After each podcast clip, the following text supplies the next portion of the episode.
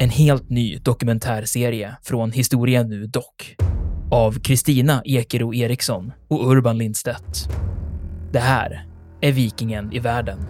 Vikingarna, de var inte något främmande folk. Sannolikt är det ett slags tempel, ett kulthus helt enkelt. Enligt legenden så är rykiderna skandinaver. Från skeppet och bränslet och slavinnan och hennes herre hade blivit till aska. Du hör dokumentären på historia.nu eller där poddar finns.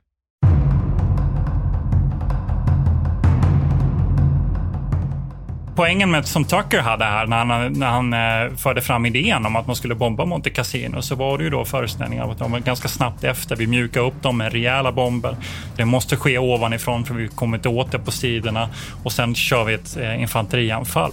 Men det blir ju aldrig av. Det tar ju flera dagar för dem att komma åt eller komma igång med en, en ny offensiv här. Och det gör ju också att den här bombningen framstår som än mer meningslös och faktiskt, precis som du säger, man förvärrar situationen. Och, så då har man alltså skapat en ännu bättre, om jag nu uttrycker Man har Ja. förstärkt Gustavlinjen, om man nu får uttrycka sig så.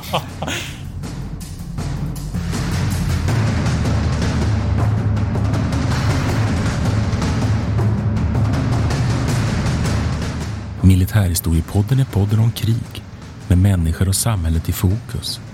Programledare är Martin Hårdstedt, professor i historia vid Umeå universitet och Peter Bennesved, doktor i idéhistoria. Podden ges ut av förlaget Historiska Media. Stöd gärna MH-podden via vårt swishnummer 123 610 76 68. Märk betalningen med MH-podden.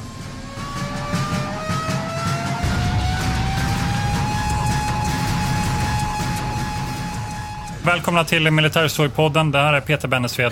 Och det här är en måhända hostande Martin Hårdstedt faktiskt. Yes. Och idag är vi på topp, för nu ska vi prata död och förintelse som vanligt. Och vi ska fortsätta på den här eh, allierade offensiven i, och landstigen i Italien och se vad den bär vägen. Så vi har mycket att prata om idag.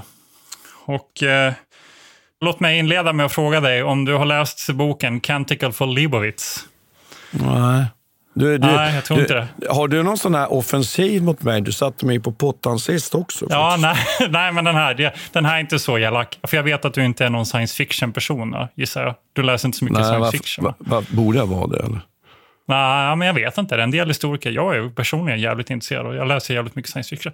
Men du, det finns en bok som heter Cantica for Leibowitz. Så den är, eh, är legendarisk inom eh, man ska säga, mitten av kalla kriget, typ av science fiction. Och den eh, ligger till grund för och har inspirerat sådana här spel som Fallout, till exempel, som du absolut inte känner till. Jag ser det på en gång. Ingen aning. Eh, Men som eh, många i min ålder har spelat det och känner till det. Och det handlar ju om en munk som går runt i ett slags postapokalyptisk värld och upptäcker eh, och försöker spara gammal mänsklig kunskap i det här nya ödelagda landskapet. Och den, eh, som sagt, den har fått lite kultstatus, den här boken. Den är inte så jättekänd egentligen, men men grejen är med den här eh, författaren som heter Miller, att han eh, var ju faktiskt med och bombade Monte Cassino. Och det sägs då ha inspirerat honom till att skriva den här boken, för att den här upplevelsen var ju ganska tung. Eh, och det är ju intressant, för den här eh, bombningen av Monte Cassino eh, blev ju väldigt omtalad. Men jag tänker vi ska återkomma till det där kopplingen mellan eh, munkarna och klostret och bombningen. Men först kanske lite recap.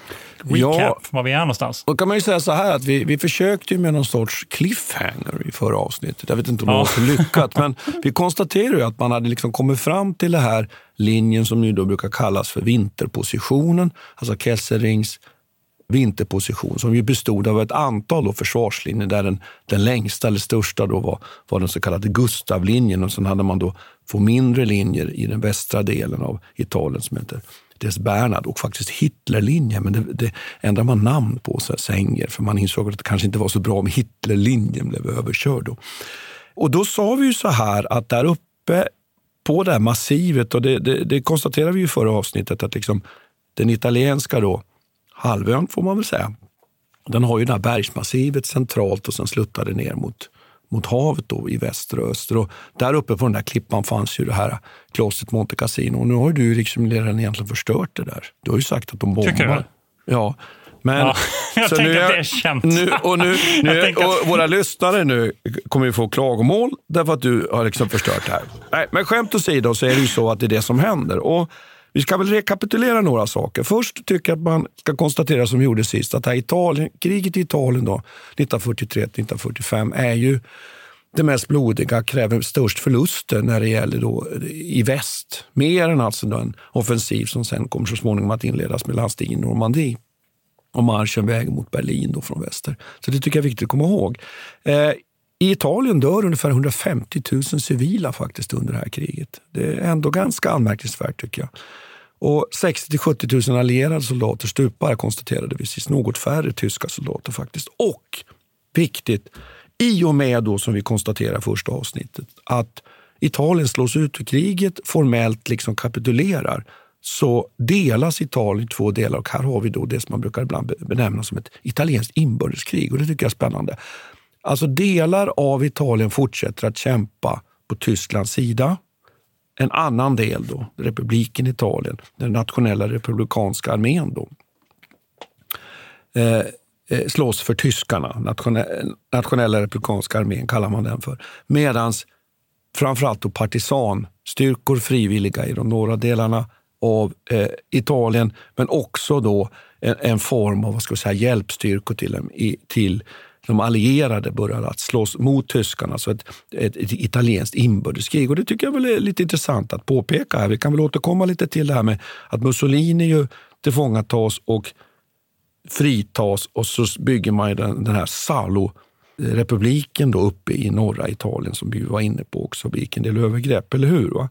De som tycker man kan väl säga så här då att varför är nu tyskarna är så intresserade av att stoppa upp? Varför är det så att man från till och med överkommandot är så intresserade av det? Jo, det är för att man vill ju se till att inte de allierade kan tränga upp naturligtvis i Mellaneuropa, men också att man vill inte snabba på kollapsen i Balkan. För där, vilket vi har pratat i tidigare avsnitt, där finns ju så oerhört viktiga eh, naturtillgångar som är så betydelsefulla för den, den tyska krigsansträngningen. Och sen, självklart, det säger sig ju självt, så är det ju så att de allierade får ju flygfält som ligger väldigt nära Tyskland om man tar norra Italien. Så där har vi väl några förklaringar, det finns fler då.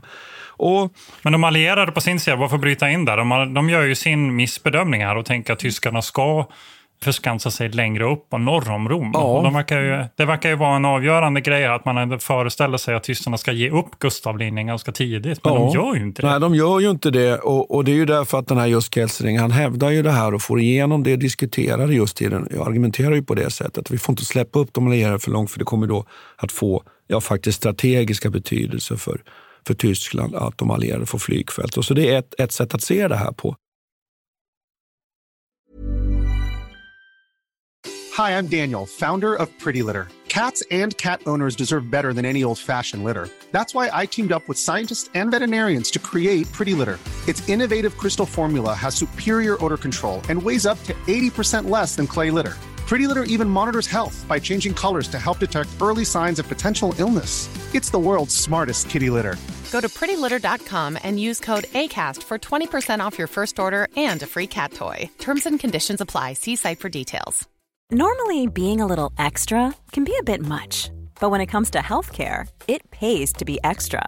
And United Healthcare makes it easy with Health Protector Guard fixed indemnity insurance plans. Underwritten by Golden Rule Insurance Company, they supplement your primary plan, helping you manage out of pocket costs without the usual requirements and restrictions like deductibles and enrollment periods. So when it comes to covering your medical bills, you can feel good about being a little extra. Visit uh1.com to find the Health Protector Guard plan for you. This is Paige, the co-host of Giggly Squad, and I want to tell you about a company that I've been loving, Olive and June. Olive and June gives you everything that you need for a salon quality manicure in one box. And if you break it down, it really comes out to $2 a manicure, which is absolutely insane. It's also so easy to get salon worthy nails at home with Olive and June. The difference between how your nails used to look when you did them yourself and now with the Manny system is a complete game changer. The best thing about Olive and June, too, is it's a quick dry. Dries in about one minute, lasts for five days, and full coverage in up to one to two coats. Visit oliveandjune.com slash perfectmanny20 for 20% off your first system. That's oliveandjune.com slash perfectmanny20 for 20% off your first system.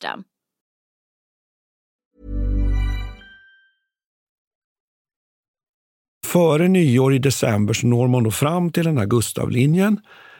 Man tar sig igenom den faktiskt på den östra delen av Italien, åttonde armé, britterna. Man tar den här staden Ortona, ni som har en karta kan ju titta på det då.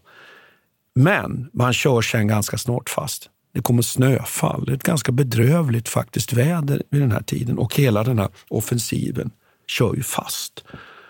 Och då börjar man ju att fundera på hur ska man nu då lösa det här? Och det var ju där vi egentligen slutade någonstans. Och då kan man väl säga så här Peter, att, att man slår nu ut alltså från då januari till maj när man slutgiltigt då tar sig igenom Gustavlinjen, så slår man ut i huvudsak då fyra större offensiver. Och då kan man väl egentligen bara konstatera, tycker jag här, att, att man kör fast i den första offensiven, 17 januari till 25 januari. Så kör man fast framför Monte Cassino och framför Gustavlinjen. Framförallt kör man fast i väster. Man tar sig inte igenom den här dalen som sträcker sig ner från Monte Cassino-massivet, Lididalen. Men där ska vi lägga till en sak, eller hur? Va? Man genomför ju med stor framgång faktiskt ju en landstigning då, norr om Gustavlinjen. Just det, och det här är ett avgörande för vad som händer. Ja, vi anser då den 22 mm. januari. Men den här majoren då, generalen Lukas då, är inte särskilt benägen att bryta ut. Han är väl, om jag nu får säga så, med viss stöd i litteraturen, lite gnällig. Han gräver ner sig och förskansar sig där. Så man får liksom inte den där effekten som man hade tänkt sig av att man hotar då tyskarnas underhållslinje bakåt och att man kan tvinga tyskarna ur Gustavlinjen. Utan här kör man fast framför Monte Cassino-massivet. Man har landstigit. Och där är vi nu då när de allierade fattar det här beslutet då när man sätter in den andra då offensiven mellan den, ungefär den 15 och 18 februari då, 1944 så fattar man ju det här, får man väl säga, ödesdigra beslutet. Eller hur ska man se på det där? Var det så ja, farligt? Är, det är så här va. Nu, nu är det så här va, att Eisenhower har ju gett ganska tydliga instruktioner om att att vad, vilka förutsättningar som råder i Italien. Det är ju det att eh, de är medvetna om att nu kommer vi till ett land som har bidragit till den västerländska kulturens framväxt på något vis och har, har det här med sig. Eisenhower säger väldigt tydligt så att vi måste skona de här platserna som, har, som är av eh, kultur värde för, för oss och för eftervärlden. Men får jag ställa en fråga? Just, ja. ja, ja, ja då måste jag bara få... Alltså, men man tänker inte så när det gäller Tyskland då? Nej, det kanske man inte Det har inte, det har inte nej, reflekterat jag, jag över. Tänker, men, nej. nej, men det är bara en intressant det, reflektion där som kommer över mig. Att man ju... Men jag tror inte det. Jag tycker ändå att det är en uh, skillnad ändå eftersom tyska staten bildas så mycket senare skulle jag tro. Eller jag vet inte. Jag kan inte svara på nej. hur de resonerar nej, kring det. Men jag kan tänka mig att det finns en del. Ja, det finns ju några uttalanden om att man vill bomba tyskarna tillbaka till stenåldern och sådär. De är väl naturligtvis ja, liksom i krigsupphetsningen. Ja, men det är en intressant fråga ja, ja. Eh, faktiskt. Det, det, kan jag tänka ja, mig. Men förlåt, jag, jag, jag avbröt det där. Men... Nej, men man ser väl säkert på det här som att eh, Italien och italienska folket är, är eh, liksom oskyldigt drabbat delvis. Och här, eller spekulation, jag vet inte. Men hur som helst så, är, så har Eisenhower gått ut ganska tidigt och sagt så att vi måste skona de här platserna och vara väldigt försiktiga med hur vi bombar.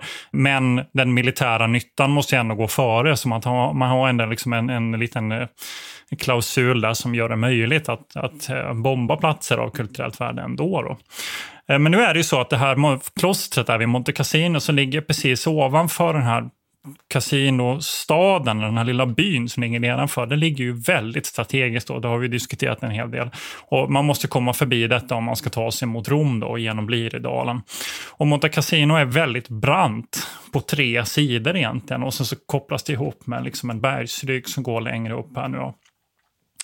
Och, och eh, poängen här då, det är ju att eh, ja, tyskarna och amerikanarna är väl delvis överens om att vi måste skona det här till en början. Och tyskarna har ju varit väldigt noggranna med att med att inte så att säga, försöka, eller det påstås då att de inte har förskansat sig i det här klostret som är en formidabel fästning får man säga. Det, är ju, det här är ju uppbyggt under väldigt lång tid.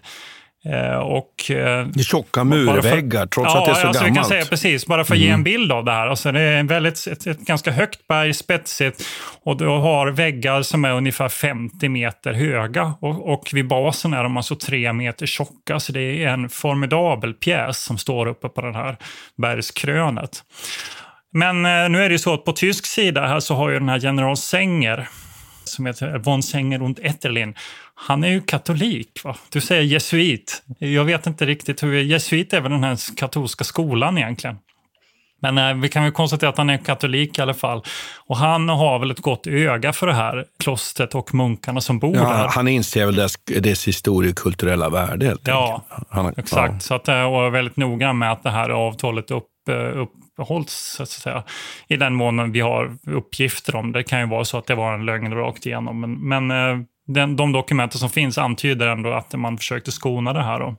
Och han försöker övertala den här abboten som finns här om att amerikanerna kommer inte att bomba Monte Cassino.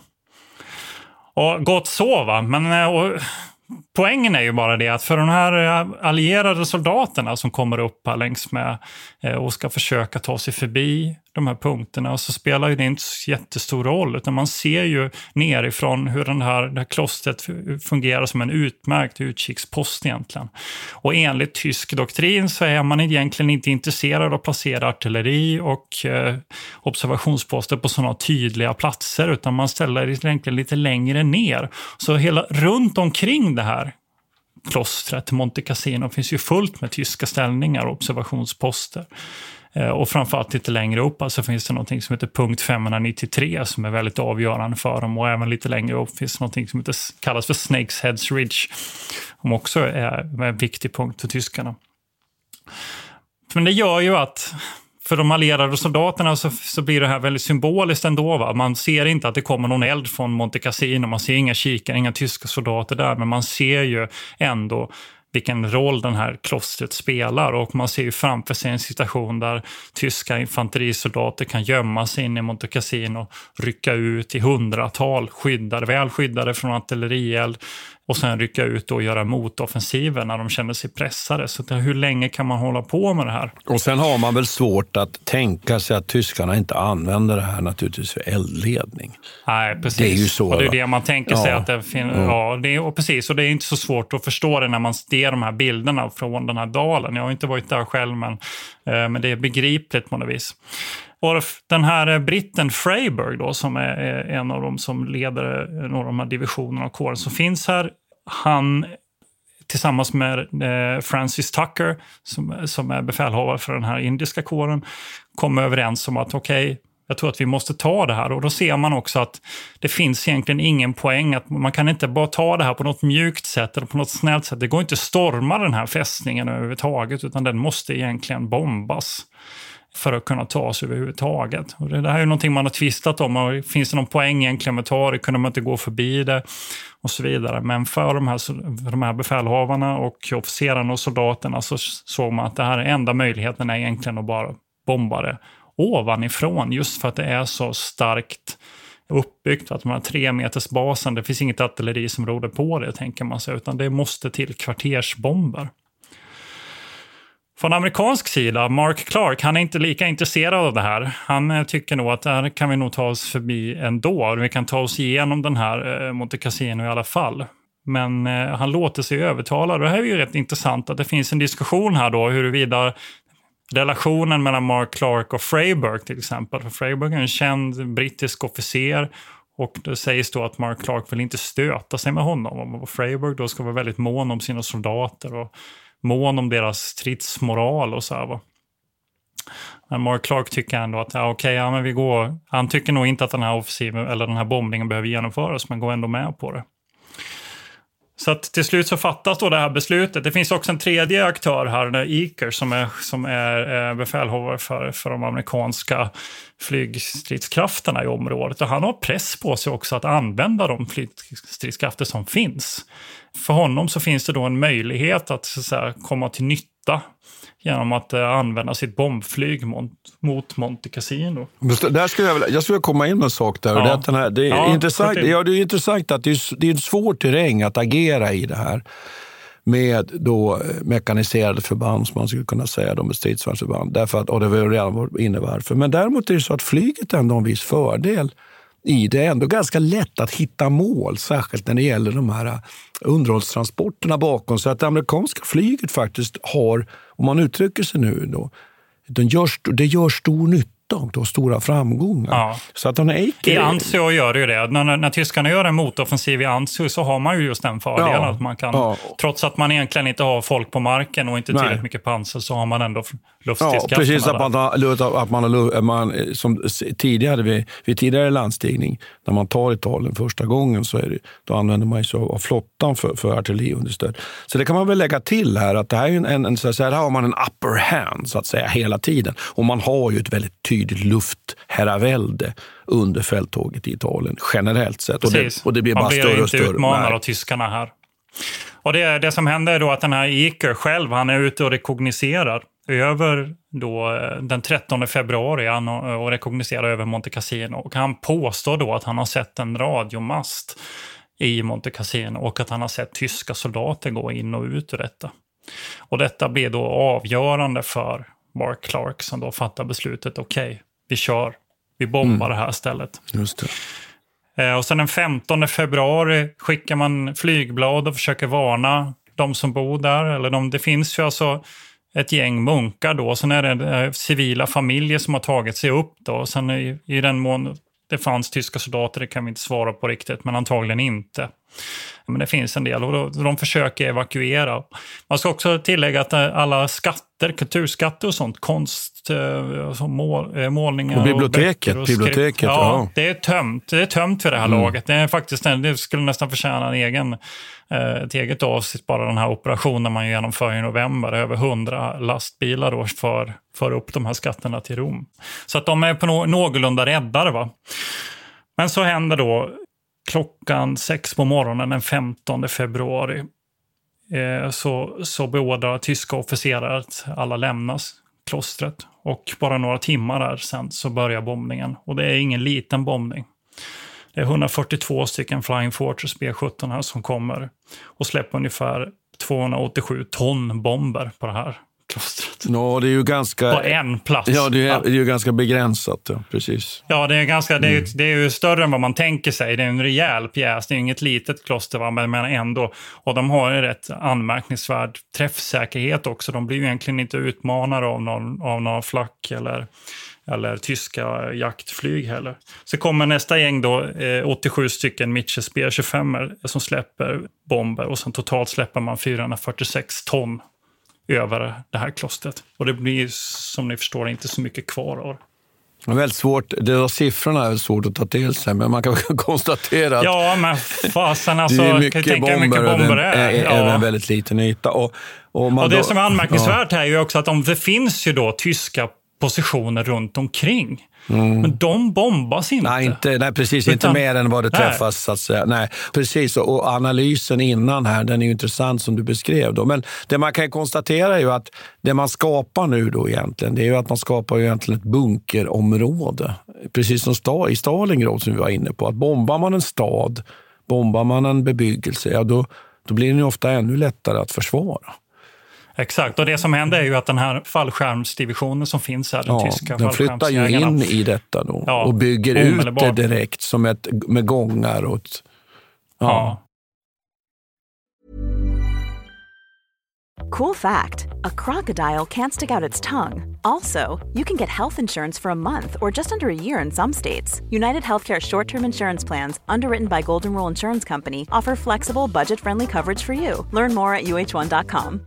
Quality sleep is essential. That's why the Sleep Number Smart Bed is designed for your ever evolving sleep needs. Need a bed that's firmer or softer on either side? Helps you sleep at a comfortable temperature? Sleep Number smart beds let you individualize your comfort so you sleep better together. JD Power ranks Sleep Number number 1 in customer satisfaction with mattresses purchased in-store. And now save 40% on the Sleep Number limited edition smart bed for a limited time. For JD Power 2023 award information, visit jdpower.com/awards. Only at Sleep Number stores or sleepnumber.com. Mom deserves the best, and there's no better place to shop for Mother's Day than Whole Foods Market. They're your destination for unbeatable savings, from premium gifts to show-stopping flowers and irresistible desserts. Start by saving 33% with Prime on all body care and candles. Then get a 15-stem bunch of tulips for just $9.99 each with Prime. Round out Mom's menu with festive rosé, irresistible berry chantilly cake, and more special treats. Come celebrate Mother's Day at Whole Foods Market. Poängen med som Tucker hade här när han, när han eh, förde fram idén om att man skulle bomba Monte Cassino så var det ju då föreställningar att de var ganska snabbt efter. Vi mjukar upp dem med rejäla bomber. Det måste ske ovanifrån för vi kommer inte åt det på sidorna och sen kör vi ett eh, infanterianfall. Men det blir ju aldrig av. Det tar ju flera dagar för dem att komma åt eller komma igång med en, en ny offensiv här. Och det gör ju också att den här bombningen framstår som än mer meningslös och faktiskt, precis som du säger, man förvärrar situationen. Och, så då har man alltså skapat en ännu bättre, om jag nu uttrycker Man har Ja. förstärkt Gustavlinjen, om man nu får Ja. uttrycka sig så. Och det här är då alltså 15-18 februari ungefär. Va? Sen, sen kan Ja. man väl, om vi marscherar på lite här, det här är ju militärhistoriepodden, då marscherar vi ju alltid Peter, eller hur? Eller vi framrycker. Vi framrycker. Och då kan man säga att 15 till 23 mars så gör man då ytterligare ett försök, en offensiv och eh, vi lämnar lite den där här. Och sen kan vi konstatera att till slut då så börjar man fundera på allvar. Hur ska vi nu kunna lösa det här eh, faktiskt taktiska operativa problemet som vi nu har? Det förefaller ju helt omöjligt att ta sig igenom de här linjerna. Hur ska vi göra? Och då börjar man att sätta sig ner och strukturera upp. Man har också börjar fundera lite på vad har vi för typ av förband? Har vi några speciella kompetenser här? Och då tycker jag någonting som är så spännande är att man har ju en fransk kår här. Och i den ingår det då marockanska soldater som är oerhört skickliga i bergsterräng. Och där finns det då den här generalen Juin gör sitt viktiga bidrag. För han säger så här till de brittiska och amerikanska eh, överbefälhavarna. Jag kan se till att de här marockanerna infiltrerar de tyska linjerna. Och att jag kan få undan dem. Och Det här tycker jag är så, är så spännande. Och då bygger man nu då en, en, en, en, en stridsplan. Så handlar det om att man ska låta marockanerna och fransmännen infiltrera de tyska linjerna då väster om Monte Cassino. Alltså liksom lite öppna upp dalen. Och sen så ska man låta polackerna anfalla norrifrån ner mot Monte Cassino. Ja, längre ner på slätten då, där tänker man sig då att man sätter in de här kanadensiska, sydafrikanska, amerikanska mekaniserade, lite tyngre divisionerna då som ska liksom, eh, när den tyska linan börjat svaja, då sätter man in eh, huvudanfallet där. Då. Så det är liksom krigsplanen och egentligen då på något sätt då försöka kringgå den här, men fortfarande är man liksom besatt av att ta Monte Cassino. Det måste man ju göra då därför som du har varit inne på flera gånger, att den här höjden ju behärskar den här dalen så oerhört Mm. väl. Då. Jag antar att det är någon, måste vara någon slags tung symbolisk... eh, Alltså det är så många människor som har dött också runt det här området. Så jag antar att det måste vara, en, en, det måste vara någon slags psykologisk reflex. Ja, att men, ger, man, ja. ger man upp det så, så då ger man också... Då har det varit meningslöst. Och det är, om det är någonting som de allierade soldaterna klagar över här och som sitter i de här positionerna runt omkring. Det är ju att de, det är många som dör kontinuerligt eh, i, i tyska artilleriattacker men de kan aldrig skjuta tillbaka. Så det, det, Mm. Och det förs då fram som att det är väldigt psykologiskt påfrestande och, en, och att det, det tvingar fram en del av de här lite konstiga Jo, besluten. jo, men det är ju, samtidigt är det ju så att det är ett militärt faktum att de här höjderna måste tas. Därför att det är ju från Ja. dem som man, tyskarna lätt kan leda in då, artillerielden. Och väldigt, som du säger, skyddat. Och de kan ju liksom skjuta uppifrån. Va? Men jag håller ju med dig om att det också finns ett visst mått av nästan liksom fixering. Och det som händer här då sen när man väl sätter igång den här offensiven, som ju blir framgångsrik. Marockanerna gör just det som, som ju Yuin har lovat. De infiltrerar de tyska ställningarna, de luckrar upp och polackerna, får man ju säga, hänsynslöst anfaller ju den här Monte Cassino-bunkern, om jag uttrycker mig så. Ja. Eh, med stora kan, vi inte, kan vi inte säga någonting om varför polackerna är där? För det tycker jag är en intressant sidohistoria. Det är ju egentligen första gången som de Slåss kommer in i strid här. I, och, som samlade menar- förband. De har ju varit med under så att säga, Italienfälttåget. Ja. Och de har ju blivit eh, väldigt många eh, pol- polska soldater. De, har ju faktiskt först blivit deporterade in i Sibirien och har suttit i fångläger här. Och eh, som säkert många känner till så har ju deras officerare blivit hänsynslöst mördade i Katynskogen här under Mm. Ja, bland annat. under ja. 40, Mm. Ja, bland annat. Alltså de, har, de har gjort en, en, eh, en helvetesresa kan man säga. Men den polska exilregeringen i London då har lyckats förhandla fram eh, under de här åren innan eh, invasionen i, i, av Italien. Har lyckats förhandla fram med Stalin då att man ska få upprätta ett eget, en egen kår som ska kunna hjälpa till.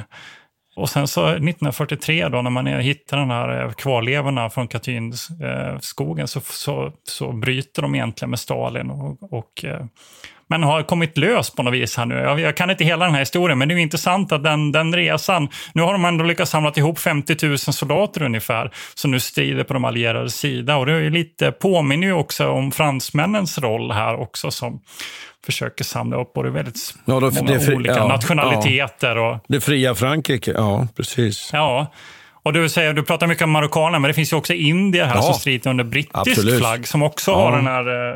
Ett, eh, Och, och kanadensarna också har ju flera divisioner här innan dem. Vi kommer ju strax till det när man flyttar de här divisionerna. Många av de här förbanden kommer ju sedan att försvinna från Italien. Vi kommer ju strax till det. Va? Men kanadensarna är ju faktiskt ganska misstänksamma mot britterna efter den här misslyckade räden vid Dieppe 1943. Och det, det hoppas jag vi ska göra Okej. ett avsnitt om faktiskt. Därför att min, min pappa som inte lever längre, han, han pratar alltid om den där Dieppe-reden. Och det här är ju uppe då i Engelska kanalen. Jag har varit där vid Dieppe. Så att, så att kanadensarna efter den, och för där, där nämligen stupade ganska många kanadensare i, en, i ett liksom test av Atlantfallen som Kanada uppfattar som meningslöst. Och man uppfattar liksom att de här samväldeskonstruktionen där man liksom ska dö för de här brittiska generalerna är väl kanske inte helt liksom i, i deras smak. Eller de har inte riktigt något förtroende för det där. Så att det finns såna här liksom lite friktioner. Va?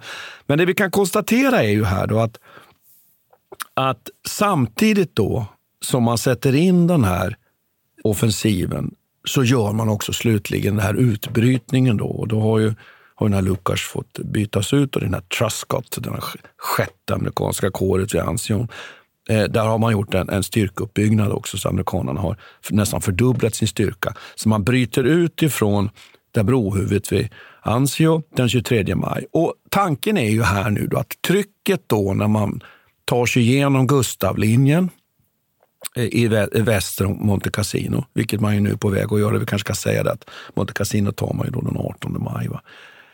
Och den här utbrytningen, där ska man då klippa av reträtten för den här 10 och 14 armé, tyska arméerna. Men det är ju inte det som händer. Det är så att den här Truscott gör utbrytning för Anzio. Men sen är det generalen Clark som fattar då ett ödesdigert beslut. Då. Att istället för att göra det som var hans jobb här, nämligen att helt enkelt klippa av reträtten för den här 10 och 14 tyska armékåren. När man knäcker Gustavlinjen. Så istället då för att, så att säga, lyckas fånga de här tyska trupperna, ja, då fattar han beslut om att han ska anfalla och ta Rom istället. Då. Och det är det han gör. Han lyder helt enkelt inte order. Och, och, de, och de Clark- säger väl att han är mediakåt, va? Ja. Att det är det som är en av orsakerna. jag, vi har kommenterat honom tidigare faktiskt, att han är lite sån här revolvergeneral. Liksom. Han tar ju då Rom den 5 juni, men det är ju liksom en meningslös egentligen seger. Rom är ju förklarat en öppen stad, är liksom inget motstånd. va. Här, här tappar man ju liksom bort hela den här möjligheten att avsluta Italienfälttåget och sanningen, sannolikt. Utan istället då så retirerar tyskarna i god ordning upp mot en ny linje. Gotia-linjen som ligger alltså norr om Rom. Och när man då har nått fram till den linjen och det här då liksom har börjat stabilisera sig här, då händer ju det som väl egentligen tar lite luften ur den här allierade momentumet här. Nämligen att man bestämmer sig då från allierad sida. Och nu är vi alltså inne i, i, i slutet av maj och början på juni. Och, och vad började det lukta då, 1944, Peter? Normandie. Ja, och då har man tänkt sig att man ska använda då faktiskt eh, sju divisioner från Italienarmén för att matcha upp landstigningen i Normandie genom att genomföra den här, den här eh, landstigningen i södra Frankrike som egentligen väldigt få tycker är något meningsfull egentligen. Ja, men jag har fått intrycket att Eisenhower själv ja. också, den kallas ju Operation Anvil. Ja. Eh, men att den, även Eisenhower själv var väl skeptisk till att den behövdes överhuvudtaget egentligen. Han ville väl påskynda Normandie eller Operation Overlord. Ja, och då fanns det en del som argumenterade för att Marseille var en viktig stad. Man skulle inte klara att få in allt det tonnage man behövde då via de här, får man väl säga, mindre eh, hamnarna och de man fick liksom konstgjort bygga på, på Normandieavsnittet. Då. Det är därför man sen också, vilket vi har anledning att återkomma till, ju, är väldigt viktigt för de allierade att till exempel ta en så stora hamnstäder som Rotterdam och Antwerpen sen så småningom. Men det, kan vi, det får vi återkomma till. Va? Men man menar ju då att det som det handlar om här är ju den politiska frågan. Att Eisenhower kände att vi måste, man måste göra detta för att, för att hålla Stalin vid, vid, vid, vid god min. Då. Att, Eh, det det får till följd, som jag sa, här, det är ju att luften går ur den här italienska egentligen fälttåget här. Och man landstiger i södra Frankrike. Det blir egentligen en lätt match för de allierade. Man går i land mellan Cannes och Toulon. Och tyskarna är alldeles utspridda. Och dessutom har, fått, har man då fått släppa ifrån trupper, för nu pågår ju hela den här Normandielandstigningen här också vid den här tiden. Och eh, Det som sen är kvar i egentligen norra Italien då det är ju egentligen ett fortsatt nötande skulle man ju då kunna säga. Som ju fortsätter in egentligen då alltså från sommaren 44 och in på våren 45. Och då, och då, tycker jag vi kommer till någonting här som jag tycker är lite spännande. Därför man tillför ju nu ny, nya förband här. Och de här förbanden är lite speciella i Italien. Först så sätter man in en brasiliansk infanteridivision. Det tycker jag är lite spännande. Alltså jag visste inte ens att brasilianarna var involverade i det kriget. Jag blottar min okunskap. Ja, här. Nej, och, jag, och, det är jättespännande alltså att man har, har då alltså en, en, en värvad, antar jag, då, brasiliansk infanteridivision. Sen kompletterar man då med två amerikanska divisioner, bland annat den tionde bergsdivisionen. Men sen då, det som är så jättespännande, nämligen den 92 Buffalo Division sätts in i Norditalien. Och vad klingar det för dig nu? Ja, men jag tänker på spanska-amerikanska kriget som vi pratade om för ja, inte så himla länge sedan. Nej, det är ju Buffalo våras. Soldiers. Ja, det är ju den. Just det. Och här har ja. vi det. Och så att 92 infanteridivisionen är på något sätt en, en, en fortsättning på de här, framförallt då inledningsvis kavalleriförbanden som man värvade soldater till från då afroamerikaner. Och under andra världskriget så är det ju så helt enkelt att de har liksom en tradition tillbaks till den typen av förband. Det är just att man börjar få brist på soldater. Och då bestämmer Eisenhower att man använder ju då afroamerikanska soldater eller manskap för låt säga underhållstjänst och sådana saker. Men här börjar man nu tillfråga de här. Skulle ni vara beredda att sättas in i stridande förband, alltså infanteriförband till exempel? Och då är det ett antal tusen som säger ja till det och så börjar man då att värva. Men den amerikanska armén är alltså segregerad. Och det kan man ju häpna lite inför. Den är alltså det. Och då är det så att de afroamerikanska trupperna de utgjorde alltid enheter. De kunde alltså utgöra, utgöra då plutoner, kompanier eller stödförband som till exempel GK, batterier eller artilleribatterier. Men de tillfördes alltid på det sättet. Det mixades aldrig då vita afroamerikanska soldater i samma förband.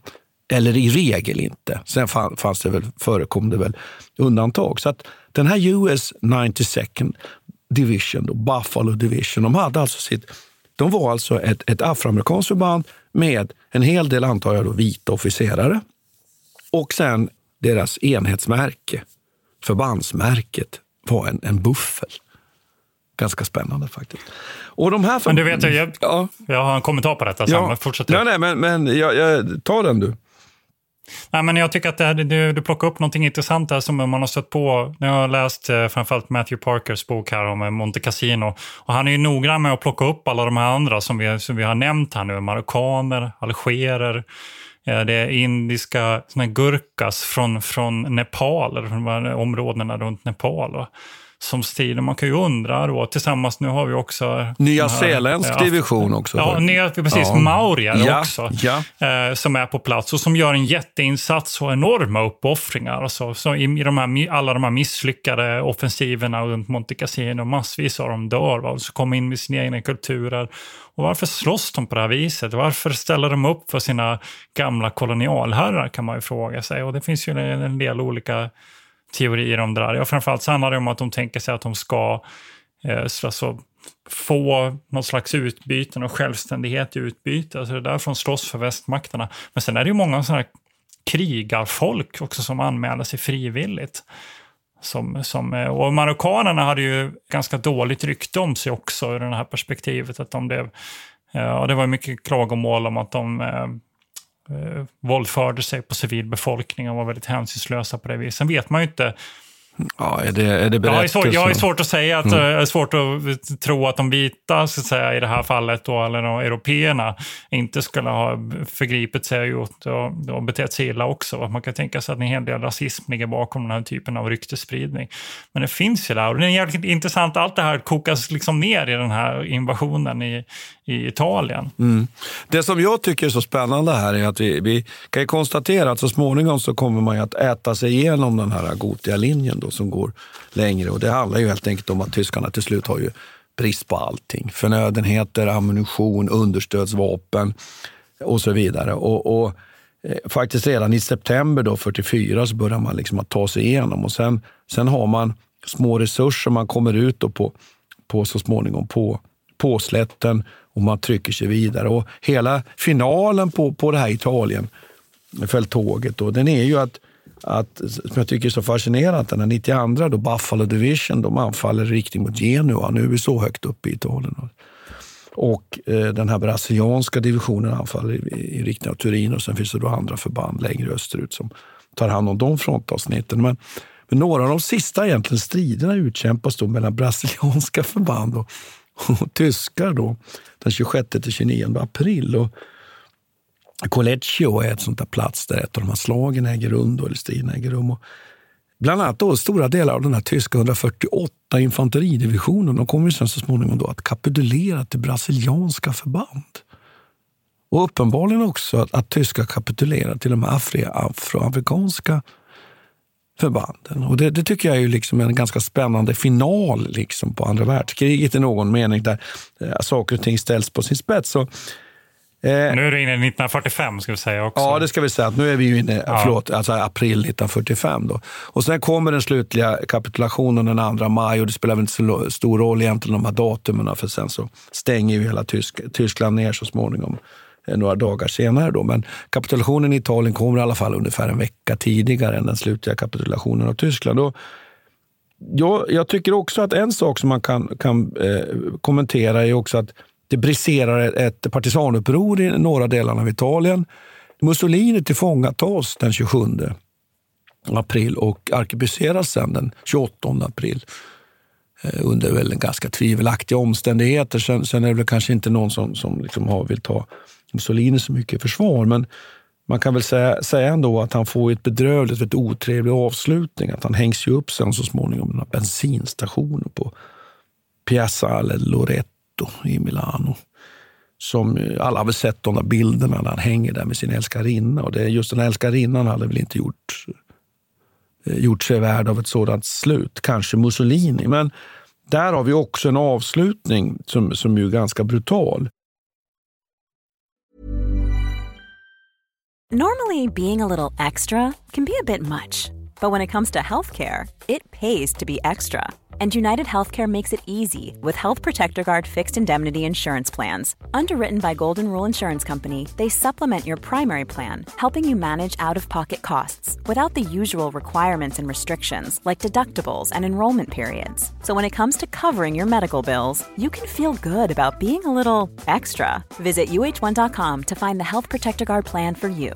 Mom deserves the best, and there's no better place to shop for Mother's Day than Whole Foods Market. They're your destination for unbeatable savings, from premium gifts to show-stopping flowers and irresistible desserts. Start by saving 33% with Prime on all body care and candles. Then get a 15-stem bunch of tulips for just $9.99 each with Prime. Round out Mom's menu with festive rosé, irresistible berry chantilly cake, and more special treats. Come celebrate Mother's Day at Whole Foods Market.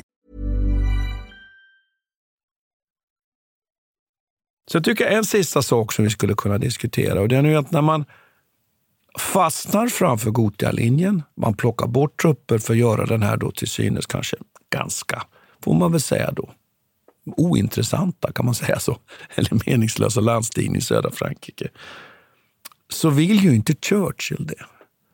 För Churchill vill ju, för det har nämligen börjat skapas nu ett tomrum i, i norra Balkan och på norra Balkan, att han ville köra upp allierade trupper rakt upp och ta Wien, alltså upp genom Östeuropa. Mm.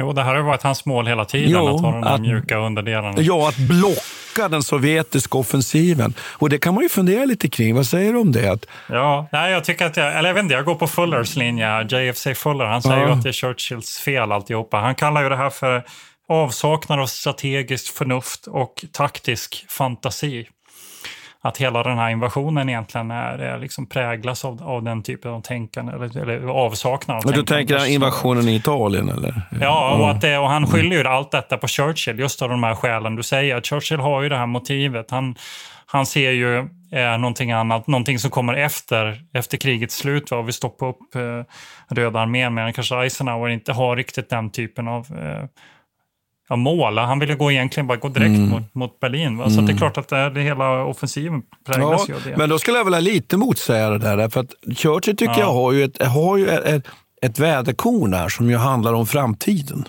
Det får man ju säga. Och jag menar, jo, men vet du vilket offer egentligen? Då ja, det håller jag liksom med vilken... om. Men sen är det inte säkert att Churchill var medveten om, som du säger nu, de liksom operativa besvärligheterna i Italien, skulle man väl uttrycka det för.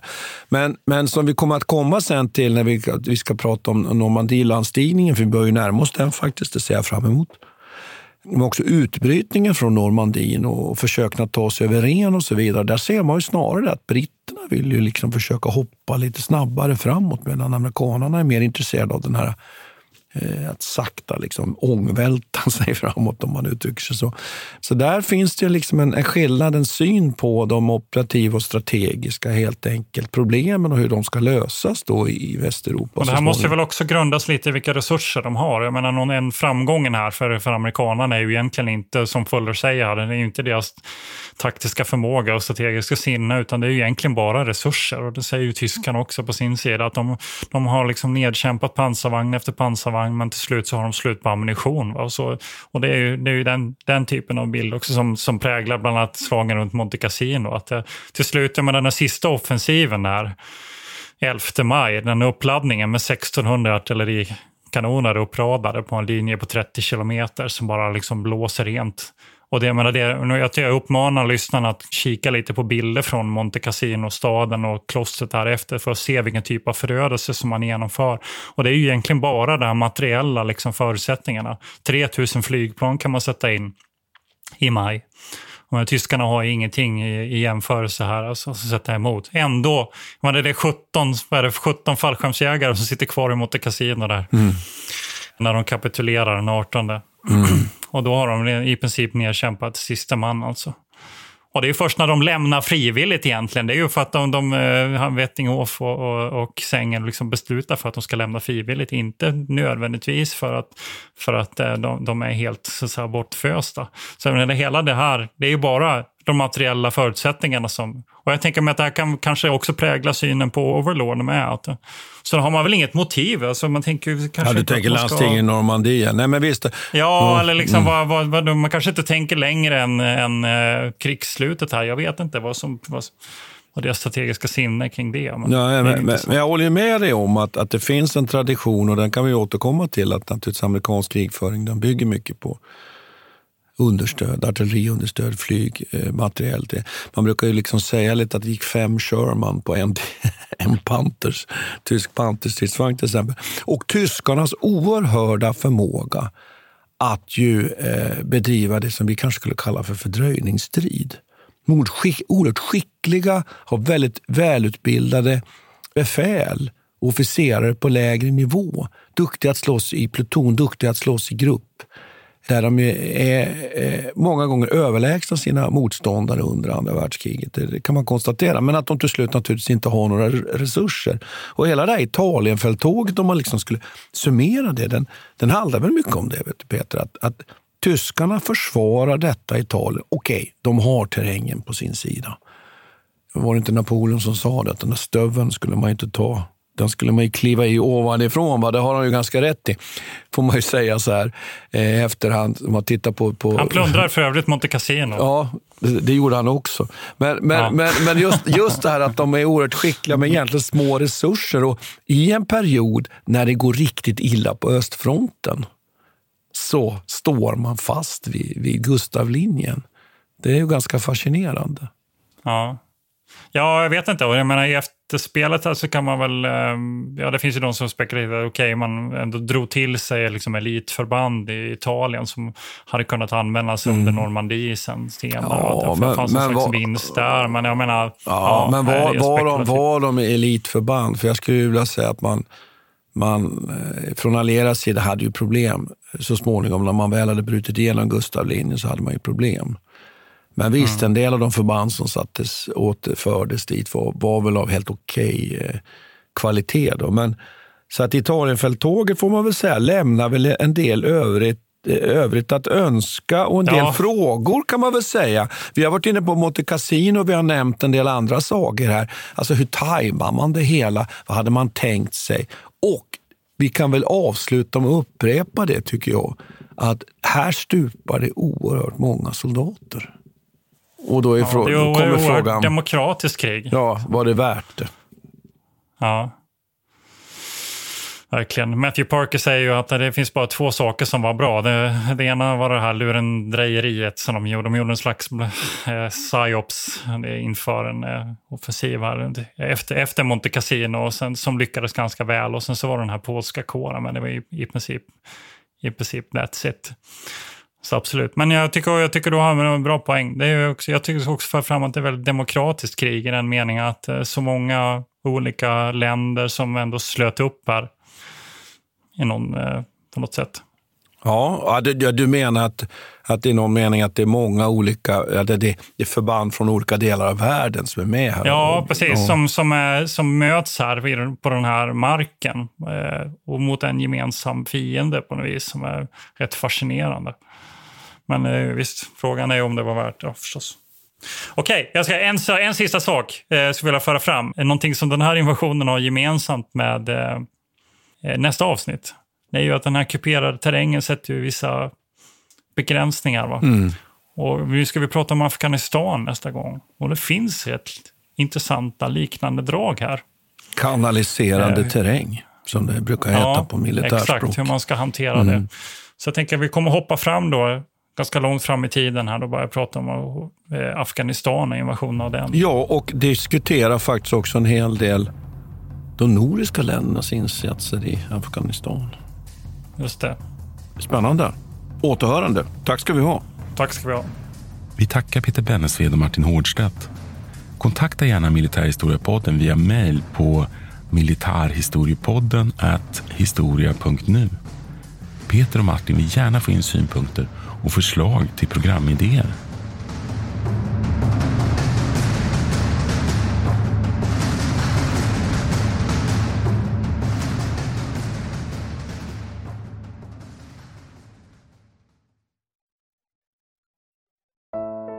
Iran har under 1900-talet genomgått tre omvälvande revolutioner som orienterat landet antingen mot västerlandets modell eller mot en auktoritär styrelseform.